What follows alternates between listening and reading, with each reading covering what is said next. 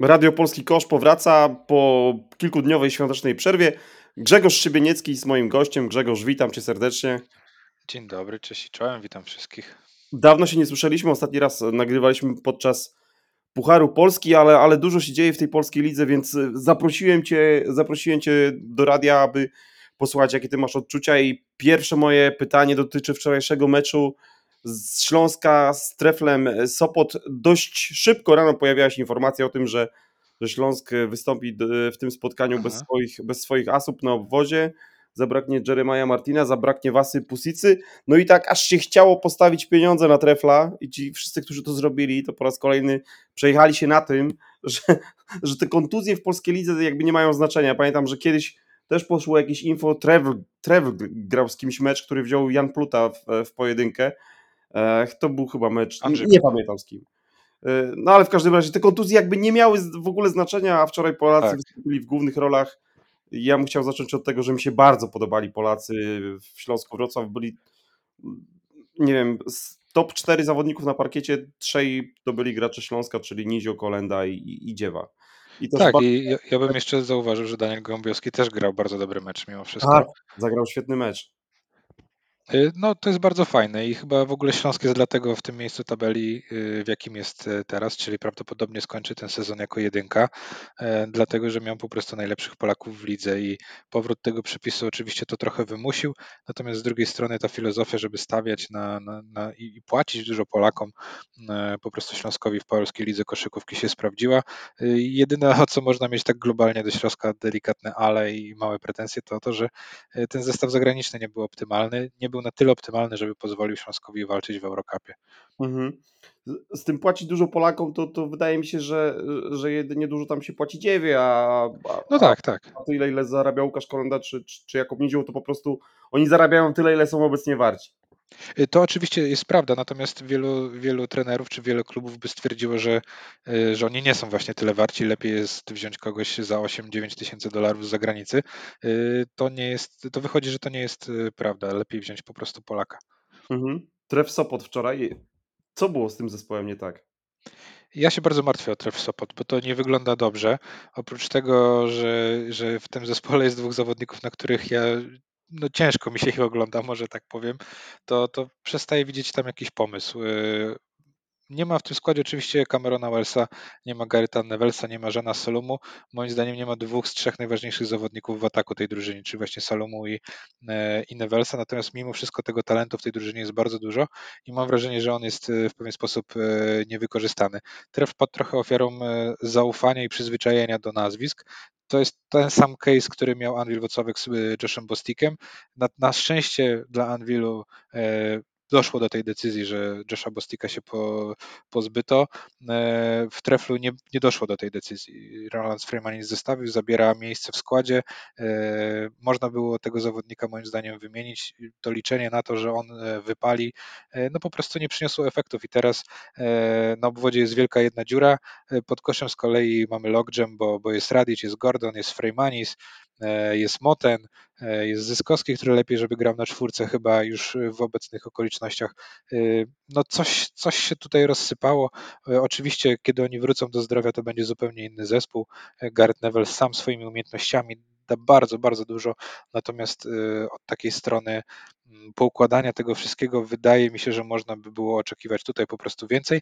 Mimo to Jan y, Tabak był na konferencji prasowej zadowolony ze swojego zespołu, za to y, jakby chwalił zespół, że, że włożył dużo wysiłku i tak dalej, i tak dalej. Natomiast moim zdaniem ten mecz tref powinien po prostu wygrać. 30%, 35% y, z gry trefla Sopot i, i, i kilka takich rzeczy, które mi się rzuciło w oczy, to po pierwsze ta sekwencja z Dariusem Moterem rzucającym 4 razy za 3 w ciągu minuty.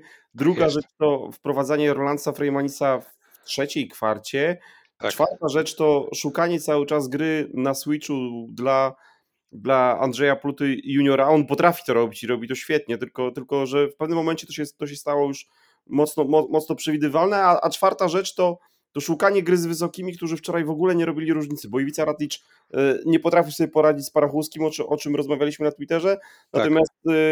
Gordon, który lepiej bronił pomalowanego, co obrona pomalowanego w pierwszej, w pierwszej połowie to też była kpina w wykonaniu drużyny Trefla. Z kolei Wesley Gordon nie zdobywał punktów z linii rzutów wolnych i, i, i, i do tego jeszcze doszedł słabszy występ Jarka Zyskowskiego, który miał 3 na, 3 na 11 z gry i wydaje mi się, że w ogóle Trefl jakby nie wykorzystał, nie wykorzystywał tej przewagi mógł grać bully ball, mógł y, właśnie grać, na, grać więcej na wysokich i tam szukać, szukać przewag, ale wczoraj ci wysocy po prostu byli nieefektywni.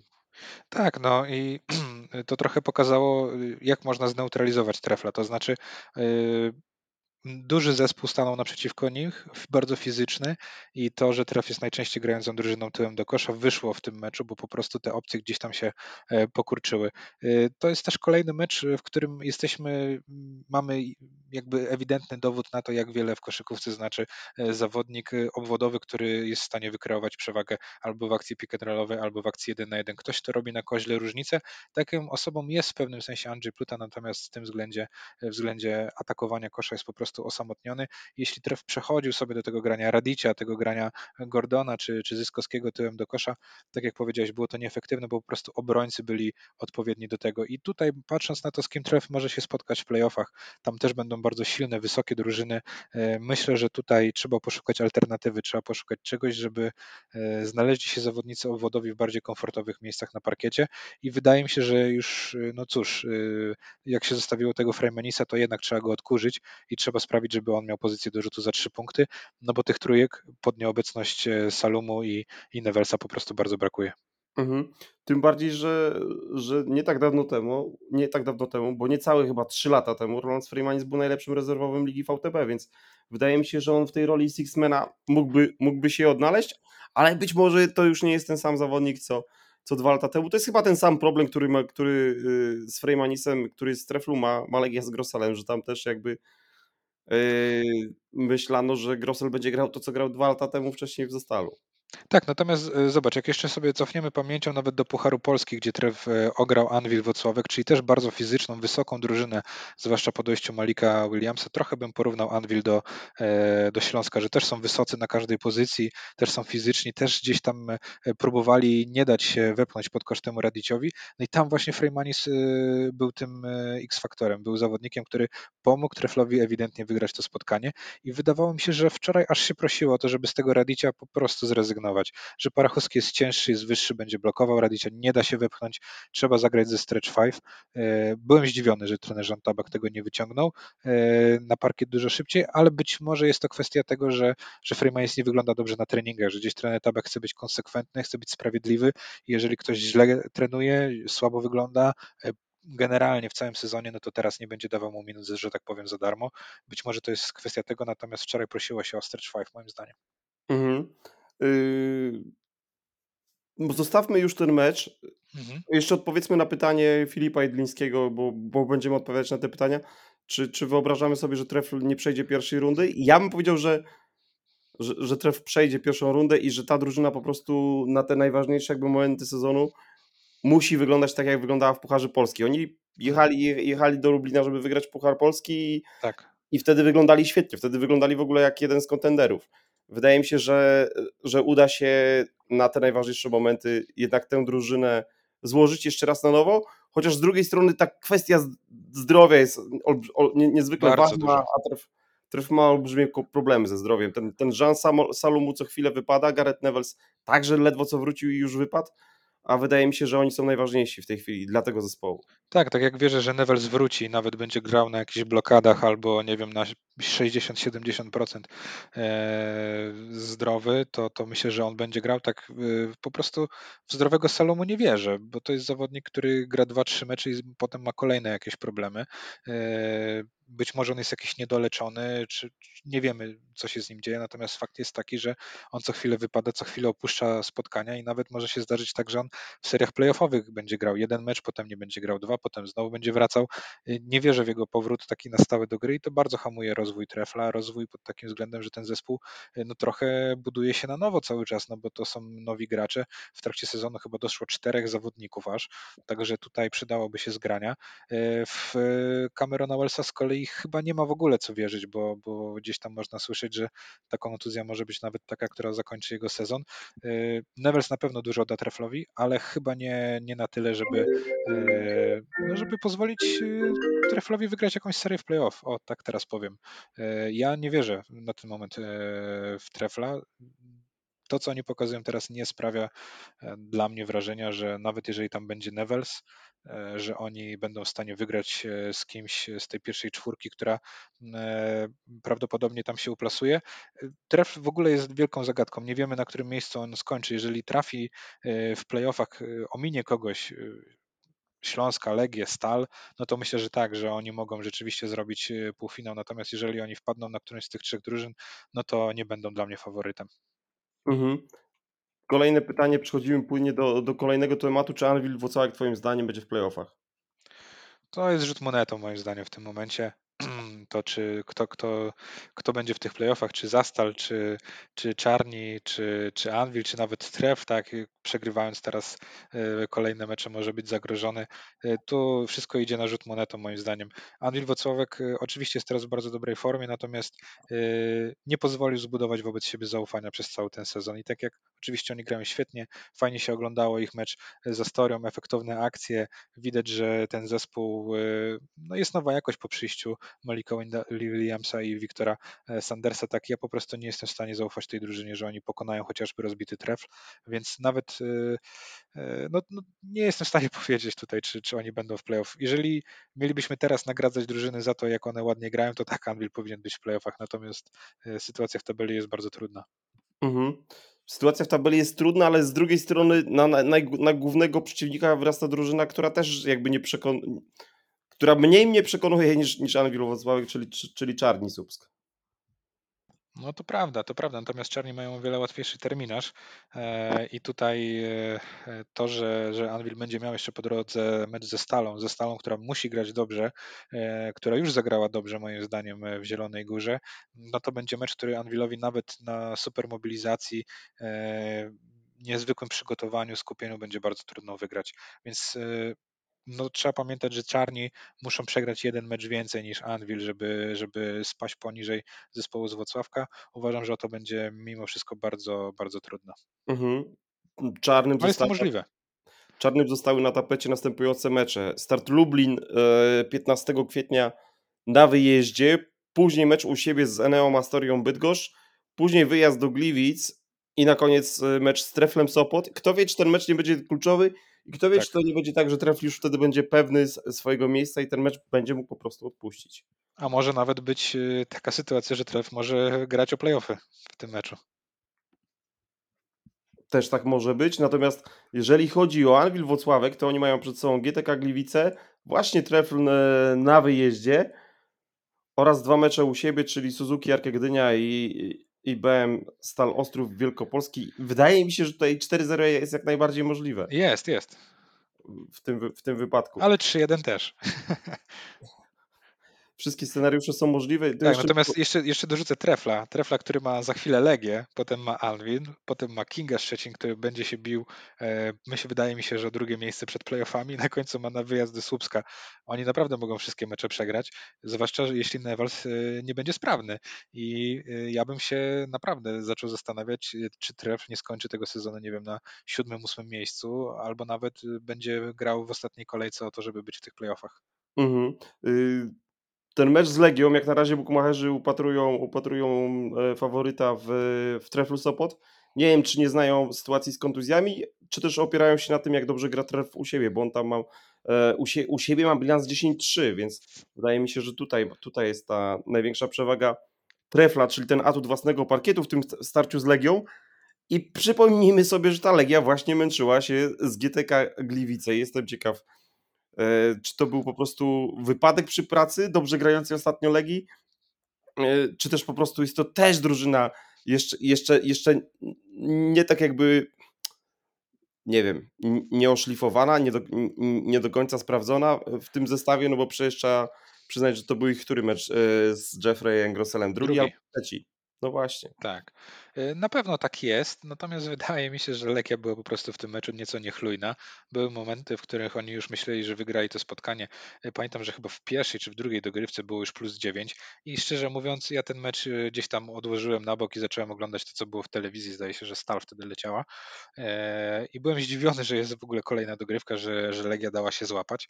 Trochę niechlujności w tym zespole moim zdaniem cały czas jest i ta niechlujność wydaje mi się, że jednak bierze się delikatnie z tego, że no, lekceważeni są po prostu przeciwnicy e, Legii i to, że GTK gdzieś tam jest nisko w tabeli.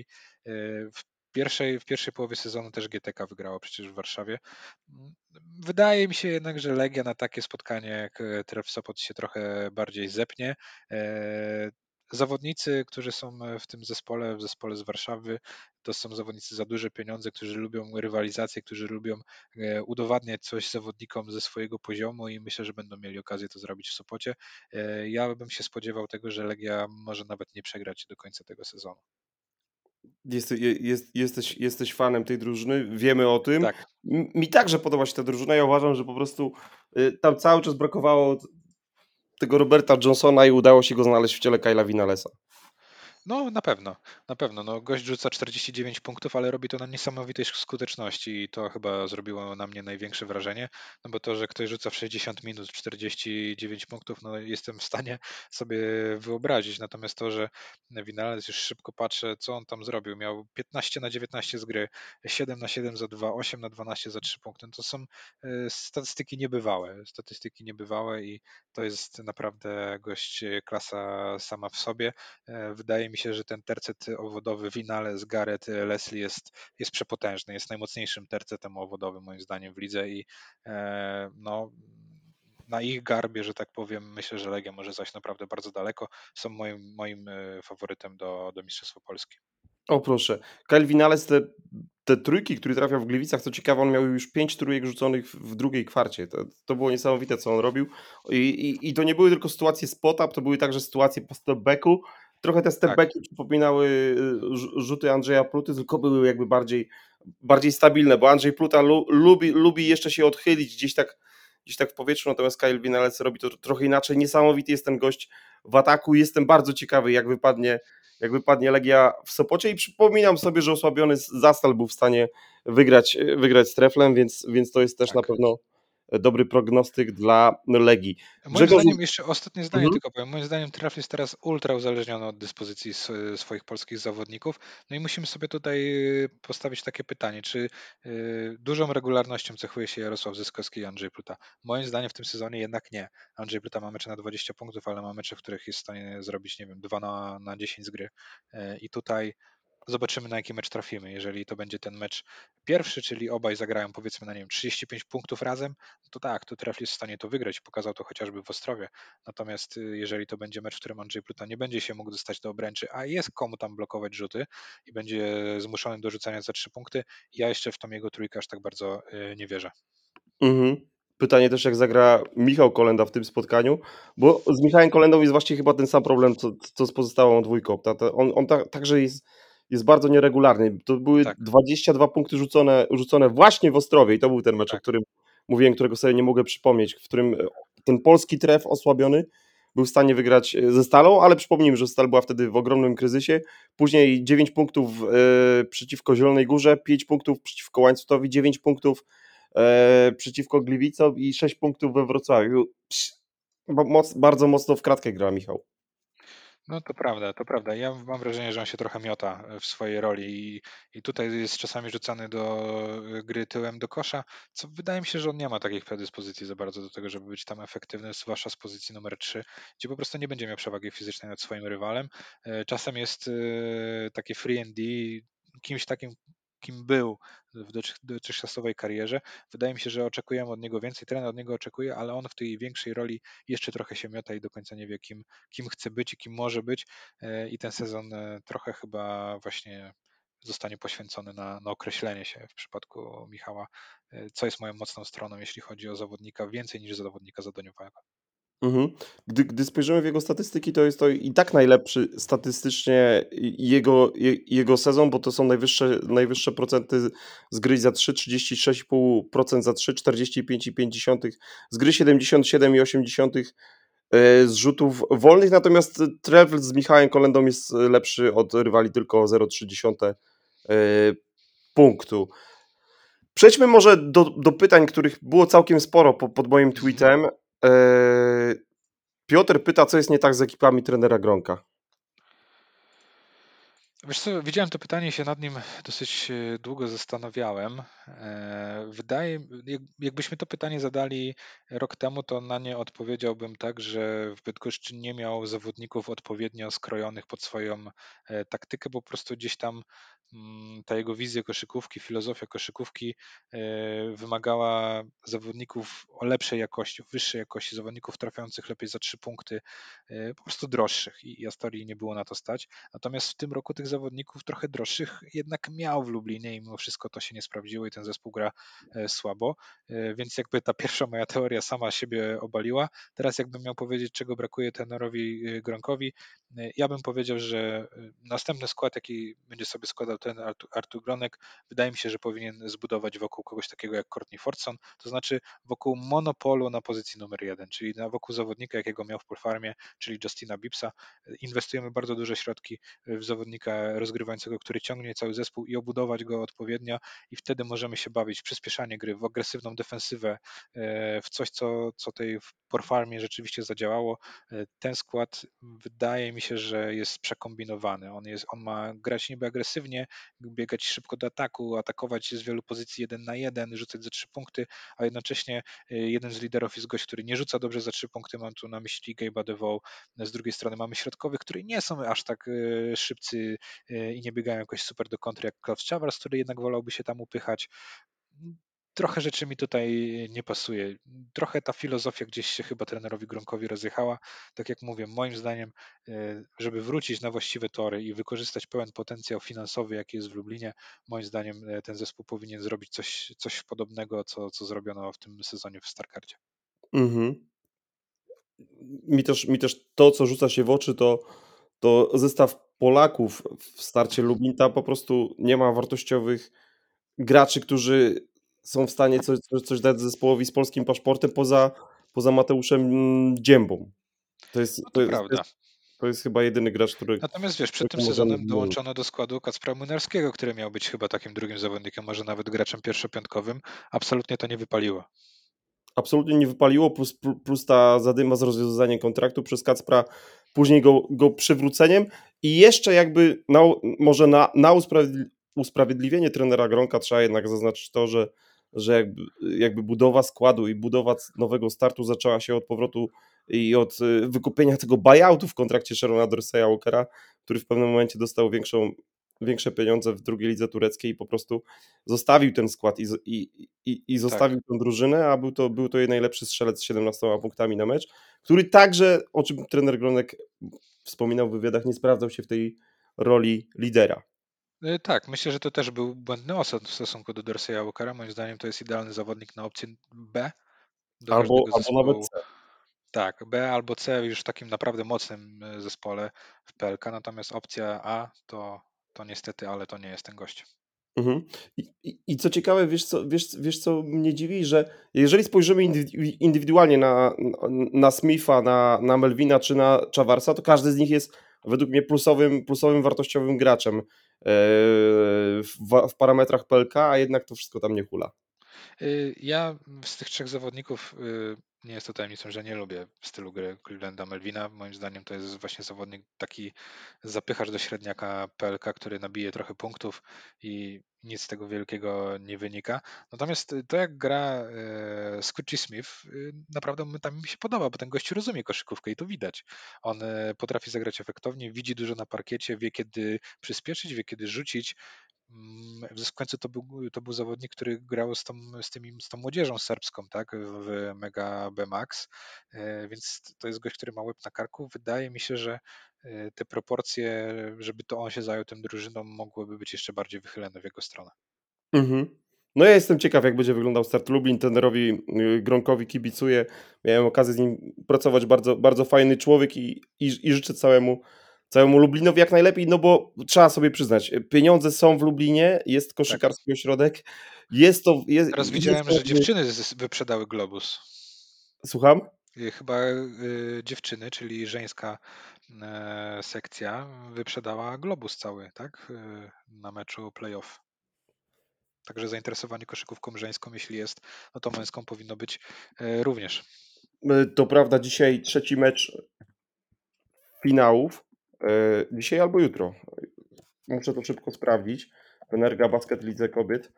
Tak, no wyprzedać w damskiej koszykówce pięciotysięcznik, no to naprawdę uważam, że to jest duży sukces. Tak, dzisiaj, dzisiaj o godzinie 20 mecz numer 3. Finałów miałem okazję być na, być na meczu numer 2 w Polkowicach. Bardzo fajne przeżycie, bardzo fajna koszykówka w wykonaniu zespołu, zespołu z Polkowic. Na trybunach bracia Wójcikowie, którzy także z pewnych względów odwiedzili, mm, odwiedzili e, to, to, to spotkanie. Mm, przejdźmy do kolejnego pytania. Zostawmy już koszykówkę kobiet. E, bardzo fajne pytanie zadał Krzysiek WWK. Playoff marzeń. Jaki układ part w ćwierćfinałach przyniósłby najwięcej emocji i byłby najciekawszy sportowo? To ja wejdę ci w słowo i, i po prostu zabiorę najlepsze z rozwiązań, czyli, czyli pojedynek pierwszej drużyny z ósmą i święta wojna Śląska Anvil. Wydaje mi się, że to byłaby, to byłaby chyba najlepsza para, jaka mogłaby się trafić. To prawda. Zgadzam, zgadzam się z, z tym na jakimkolwiek etapie playoffów, jeśli ta para się spotka, uważam, że tak samo jak Śląsk Legia, e, tak Śląsk Anvil, e, po prostu gdzieś tam jako kibice zasługujemy na to, żeby takie, taką rywalizację e, zobaczyć, bo po prostu będzie, będzie, będzie ogień, będzie się o tej rywalizacji dużo mówiło, będzie dużo smaczków, podtekstów, więc byłoby to na pewno bardzo, bardzo fajne. Na ten moment ja jakby najmniej życzeniowo widziałbym, sobie, widziałbym czarnych y, w, w playoffach, bo po prostu grają najbrzydszą koszykówkę y, i, i ten atak y, jest po prostu niezjadliwy absolutnie w ostatnich meczach. Ja z kolei chciałbym, chciałbym zobaczyć pojedynek spójni ze Stalą. E, uważam, że to też byłoby, byłby pojedynek bardzo gorących ośrodków, e, klubów bardzo zaangażowanych i w social mediach, i w ogóle w takie życie koszykarskie.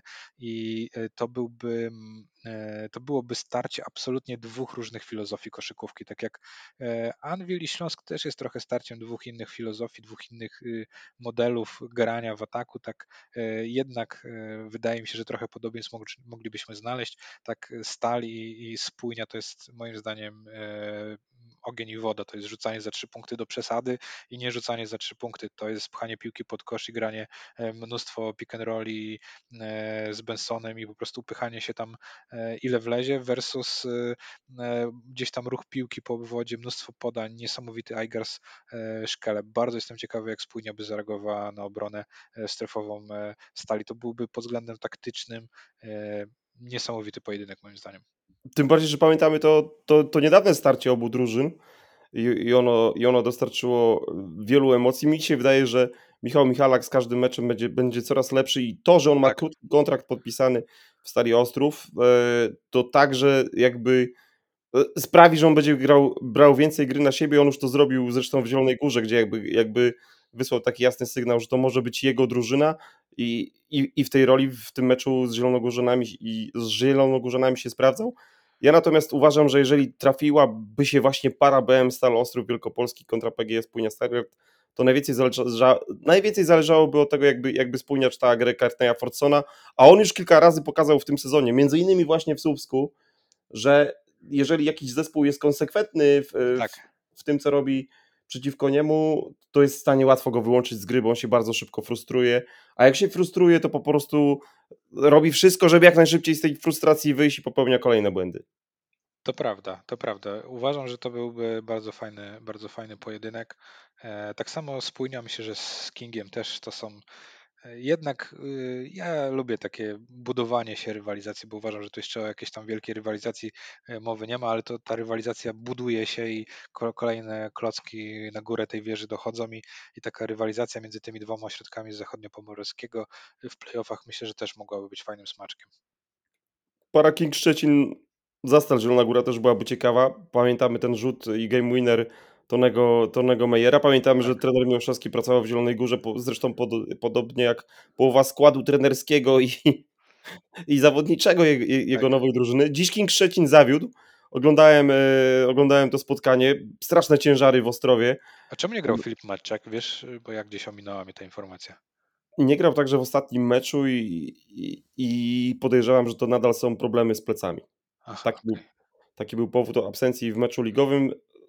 Szkoda, bo, bo ta drużyna oczywiście z Filipem Maczakiem wygląda lepiej, natomiast Alex Hamilton wziął w tym meczu najważniejszy rzut. No Fatalny, ręce fatalny rzut.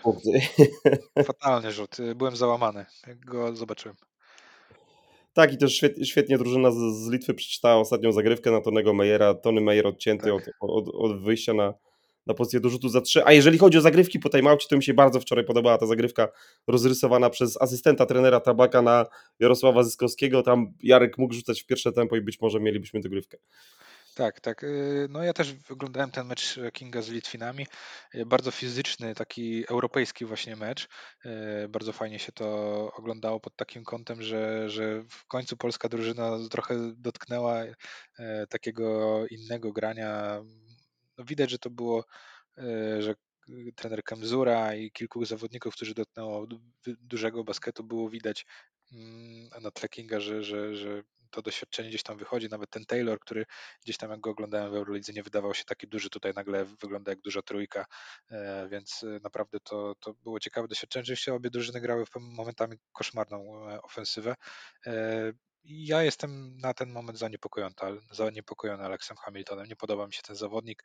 E, Ten ostatni rzut to nie jest tylko kwestia tego, że on nie trafił tego rzutu, ale on kompletnie nie był w stanie się uwolnić do tego rzutu, e, co wydawało mi się, że, że King właśnie potrzebuje zawodnika, który trochę tak jak Victor Sanders chociażby jest w stanie sobie zrobić miejsce do tego, żeby oddać e, na spokojnie rzut. Alex Hamilton oddawał z ręką na czole i mm, no, bardzo, bardzo słabiutka akcja. Mhm. Kolejne pytanie. Michał Kozłowski y, pyta się, co musi zrobić Kacper Gordon, żeby skra- skraść serce redaktora Szybienieckiego. Nie wiem, wydaje mi się, że, że musi grać lepiej po prostu, no i, i tyle. Oczywiście to jest jego pierwszy sezon i ja nie mam tutaj y, uwag do tego. Uważam, że to jest dobry sezon i fajnie, fajnie że Kacper gra, natomiast y, studzę trochę hura optymizm niektórych, y, zwłaszcza mojego kolegi Michała, z którym, z którym razem nagrywamy y, podcast Tułap, który już, już Kacpra wciskał mi tutaj do kadry. No, spokojnie, spokojnie. Na razie chciałbym, żeby Kacper się trochę otrzaskał i wydaje mi się, że jego rola, jaką dostał w tym sezonie, to, to jest bardzo fajnie. Musi popracować nad to pewno nad fizyką, nad, nad doświadczeniem, nad tym, żeby nie tracić piłki, żeby podejmować lepsze decyzje. Y, Ja myślę, że tu jeszcze dwa lata, zanim się, y, że tak powiem, ulepi nam zawodnik na, na bardzo konkretne minuty w dobrym zespole, nie przegrywającym zespole w Energa Basket Lidze. Mhm. Te statystyki 28,9% za 3 i tylko 41% i 90 z gry. Taki klasyczny debiutancki sezon młodego polskiego gracza. Tak, na tak, tak. Tak, no i tutaj ja bardziej y, w jego przypadku gdzieś tam patrzę zawsze na straty, szczerze mówiąc, bo, bo dla mnie to jest to, to, że Kasper Gordon jakby rozumie koszykówkę, to jest, to jest jasne. Widać po tym, jak, jak y, on się wypowiada, jak y, nie wiem, udziela wywiadów, e, nawet jak dyryguje zespołem na parkiecie, widać, że to ma, że on się nie wstydzi, że jest przebojowy i, i, i jakby czai bazę, tak, mówiąc kolokwialnie. Natomiast musi za tym iść też takie obycie boiskowe, obycie boiskowe versus naprawdę mocni zawodnicy i on po prostu to zdobywa. Na pozycji numer jeden jest bardzo trudno zawodnikowi y, od razu z marszu robić furorę, y, zwłaszcza Polakowi, gdzie my w większości jesteśmy późno rozwojowcami, zwłaszcza Polakowi, który nie miał jeszcze wolnego lata, bo zawsze jeździł na kadrę i nie mógł w stanie przycisnąć na siłowni, więc y, jakby ja może nie tyle, co, co nie jestem przekonany do Kacpra Gordona, bo jestem, po prostu gdzieś tam tonuję ten hura optymizm, bo, bo, no bo tak, uważam, że trochę z, z, zbyt dużo się mówi o tym, jak Kacper się gra świetnie, a, a, a na razie gra po prostu dobrze. Mhm. Mm, Don Pedro zadał nam sześć pytań wszystkich. Na wszystkie nie będziemy odpowiadać, bo nie starczy nam czasu, ale wybiorę sobie z tego zestawu najciekawsze dla mnie pytanie, czyli ocena tureckiego szkoleniowca Śląska. Uważam, że jeszcze jest za wcześnie, żeby cokolwiek powiedzieć, bo e, tak jak podoba mi się to, jak on odpowiada na konferencjach prasowych, e, podoba mi się to, że szybko i dosyć dobrze zdiagnozował problemy Śląska i jak był ten Śląsk w pełnym składzie, to było widać rękę trenera i jego zmiany, natomiast cały czas ten zespół nie zagrał jeszcze z dobrą drużyną w naszej lidze i, i cały czas nie wiemy, jak ten trener będzie reagował w momencie, kiedy ktoś się postawi jego drużynie, tak naprawdę na serio, kiedy, kiedy ktoś wyjdzie z pomysłem e, na, na Śląsk, e, jak będzie reagował, e, kiedy Martin będzie odwalał jakąś samowolkę. I ja myślę, że tutaj jeszcze jest dużo do obserwacji. Jeszcze na razie, na razie trzeba ocenić pozytywnie, natomiast to nie jest jakiś taka wydany wyrok na zawsze. Mhm. Z tego co słyszałem, to trener Erdogan wprowadza swoje rządy i, i, i, i chce mieć wszystko pod kontrolą i też jest bardzo jakby jakby szczery w tych e, relacjach z zawodnikami. Zresztą nie wiem, czy widziałeś, jak został, został w szatni przywitany po tym ostatnim zwycięstwie. Nie, Oblany nie. kubłem zimne, zim, zimnej wody, kubłem z lodem. Także wydaje mi się, że mm, takie zwycięstwa jak wczoraj i to, że właśnie Polacy byli w głównych rolach, to, że Łukasz Kolenda w końcu w końcu wyglądał tak, jakbyśmy wszyscy chcieli, żeby Łukasz tak, Kolenda wyglądał. I ja jestem właśnie zawsze, zawsze ciekawy, ciekawy Ciekawe, jak to jest z tymi graczami właśnie typu y, Andrzej Pluta, Łukasz Kolenda? Czy oni po prostu tak, tak by wyglądali, gdyby w każdym meczu mieli taką rolę, czy, czy po prostu, czy po prostu jeszcze są, że są że ta ich forma się waha, te ich minuty nie są, nie są na tyle pewne i to, i to nigdy, nie, nigdy w tym wieku nie będą postacie pierwszoplanowe w drużynach stopu. Niestety. Ja tak uważam, jak y, to niestety, niestety, tak jak powiedziałeś. E, to drugie, y, no było widać to po Łukaszu Kolendzie, który miał mecze dobre i miał mecze złe w tym sezonie, a już miewał spotkania, w których grał chociażby nawet 40 minut. Tak, to, to jest jeszcze brak regularności i myślę, że tego, tego nie przeskoczymy. Szybko patrzę na Łukasza Kolendę, e, na przykład mecz z Czarnymi Słupsk 30 minut, 2 na 13 z gry. E, mecz z Legią Warszawa 1 na 12 z gry. E, no to są takie, takie spotkania, które już chyba mu się nie powinny zdarzać. To znaczy oczekujemy od niego, żeby ta regularność na poziomie przynajmniej tych 40% z gry po prostu była. Mhm. Mm, jeszcze jedno pytanie od Don Pedro. Czy Garbacz kiedykolwiek, Jakub Garbacz oczywiście, nawiąże do formy z 2020-2021? I tutaj ja bym chciał, zanim, zanim dam Ci odpowiedzieć, dodać coś od siebie, że to właśnie dojście Michalaka jakby nie pomaga w tym, żeby Jakub Garbacz doszedł do tej formy. E, no zdecydowanie. Ja myślę, że w ogóle to się nie wydarzy już. Że to był taki jeden e, sezon, w którym Kuba wskoczył na naprawdę niesamowity poziom. E, poczuł się niezwykle pewnie i liga dopiero się jego uczyła. E, I teraz wydaje mi się, że Kuba przeszedł w taką rolę, że ja jestem super strzelcem, jestem Kylem Korwerem tej ligi i trochę mnie martwi to, że mało jest w jego grze jakichś takich atakowania close-outów, grania na piłce, coś co uważam, że powinien rozwijać, bo naturalne jest to, że teraz ludzie będą bardzo blisko niego i większość rzutów, jakie on oddaje, to są rzuty przez ręce albo rzuty po zasłonie, bardzo szybkie catch and shoot, bardzo niewygodne, e, bardzo trudne, tak? Tam jakby całe ciało musi się odpowiednio złożyć, żeby ten rzut e, wpadł do kosza. Akcje, które wykonuje Kuba Garbacz są po prostu moim zdaniem trudne i ciężko być bardzo efektywnym w trudnych e, akcjach. E, jeżeli zobaczymy go jeszcze w roli innej niż tylko shooter, no to jest, jest może jakaś tam szansa, że on powtórzy ten sezon, e, gdzie, gdzie był MVP finału wtedy, tak? Chyba ligi nie był MVP. Natomiast myślę, że to, to już jakoś nie nastąpi, że ta rola Kuby Garbacza jednak się nie zmieni. Mhm, co ciekawe, Kuba Garbacz znacznie lepiej rzuca, rzuca z, obu, z obu kornerów. To jest 41% z lewego narożnika, 53% z narożnika prawego, natomiast najwięcej rzutów oddaje, oddaje z pozycji 45 stopni i tutaj i ze szczytu i tutaj te proporcje już nie są takie, takie fajne, bo, bo to jest 34% z, lewe, z, z lewych 45 stopni, 31% z e, prawych, natomiast ze szczytu to jest 30%. No to Trochę mało jak wyjścia, na To są wszystko wyjścia po zasłonach, nie? Tak. Czyli tak. właśnie to są te trudne rzuty. Rzuty z narożnika są rzutami po odrzuceniu, catch and shoot, proste rzuty. Proste rzuty, te, e, może za dużo powiedziane, że proste, no takie treningowe bardziej, tak, ze statycznej pozycji, e, bez nabiegu. E, no tak, no po prostu gdzieś ta efektywność Kuby jest moim zdaniem problematyczne z uwagi na skalę trudności swoich rzutów i rozwinięcie gry w kierunku gry bardziej do kosza, co ostatnio już ma moim zdaniem takie przebłyski, że gdzieś tam jakiś floater od niego można zobaczyć. Y, moim zdaniem powinien iść w tę stronę, no bo ludzie naprawdę latają z nim, za nim e, po śladach i, ma bardzo mało miejsca do oddawania rzutów. Przydałoby się po prostu porządnie zaatakować obręcz, gdzieś tam podać jeszcze może komuś, jak się ściągnie na siebie pomoc. Mm, no myślę, że żeby był lepszym zawodnikiem, musi się rozwinąć w tę stronę. Siedem rzutów oddał z pół dystansu w tym sezonie Jakub Garbacz, wszystkie trafił. E, to też, jest, to też jest statystyka, natomiast statystyka potwierdzająca to, o czym mówiłeś. 87% tych rzutów, o których e, mówiłem przed chwilą, czyli rzutów e, z 45 stopni i ze, ze szczytu, to są rzuty asystowane. No. Natomiast wszystkie trójki z kornerów są asystowane oczywiście. Tak, tak. Patrzę, czy jeszcze jest jakieś pytanie. Kacper Skrzydlewski jest bardzo aktywny ostatnio na Twitterze i pyta się nas, panowie, 11 Polaków, hashtag opinia.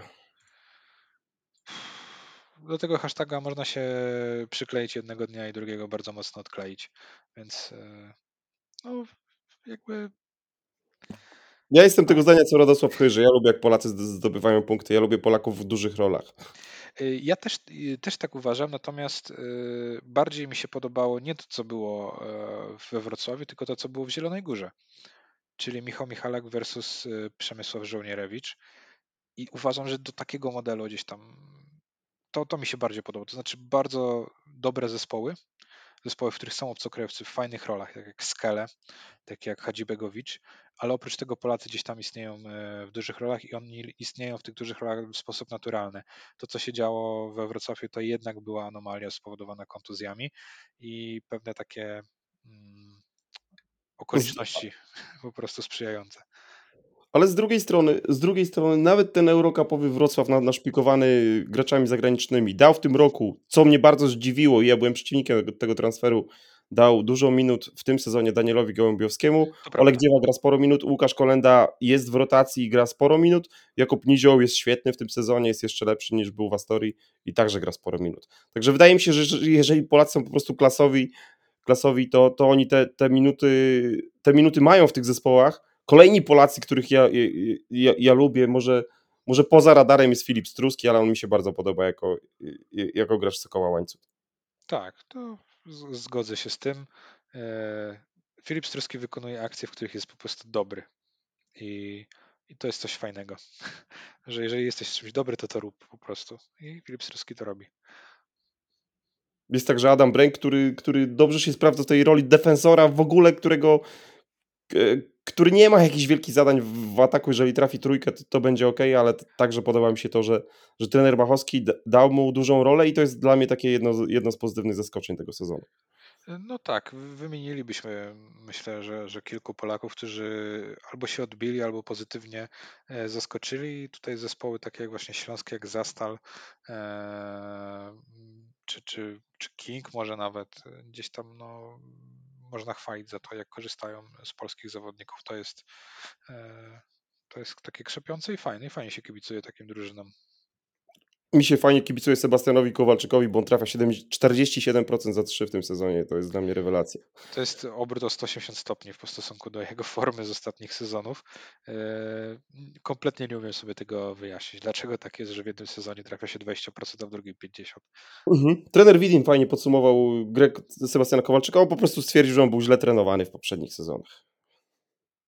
Że trafiał na złych szkoleniowców i nie była dobrze prowadzona ta kariera. Jestem ciekaw, Jestem ciekaw, ile jest z tym prawdy mm, i czy rzeczywiście tak jest. Być może trener Widim ma rację, no bo może powiedzieć, panowie, wszedł do mnie i zaczął grać koszykówkę swojego życia i, i, i pewnie miałby w tym dużo racji. Grzegorz, 43 minuty za nami, za nami, nie chcę przesadzić. Mam, do cie, okay. ma, mam propozycję, żebyśmy się spotkali po następnej kolejce i znowu sobie porozmawiali. Proszę cię bardzo. Super, dziękuję ci bardzo.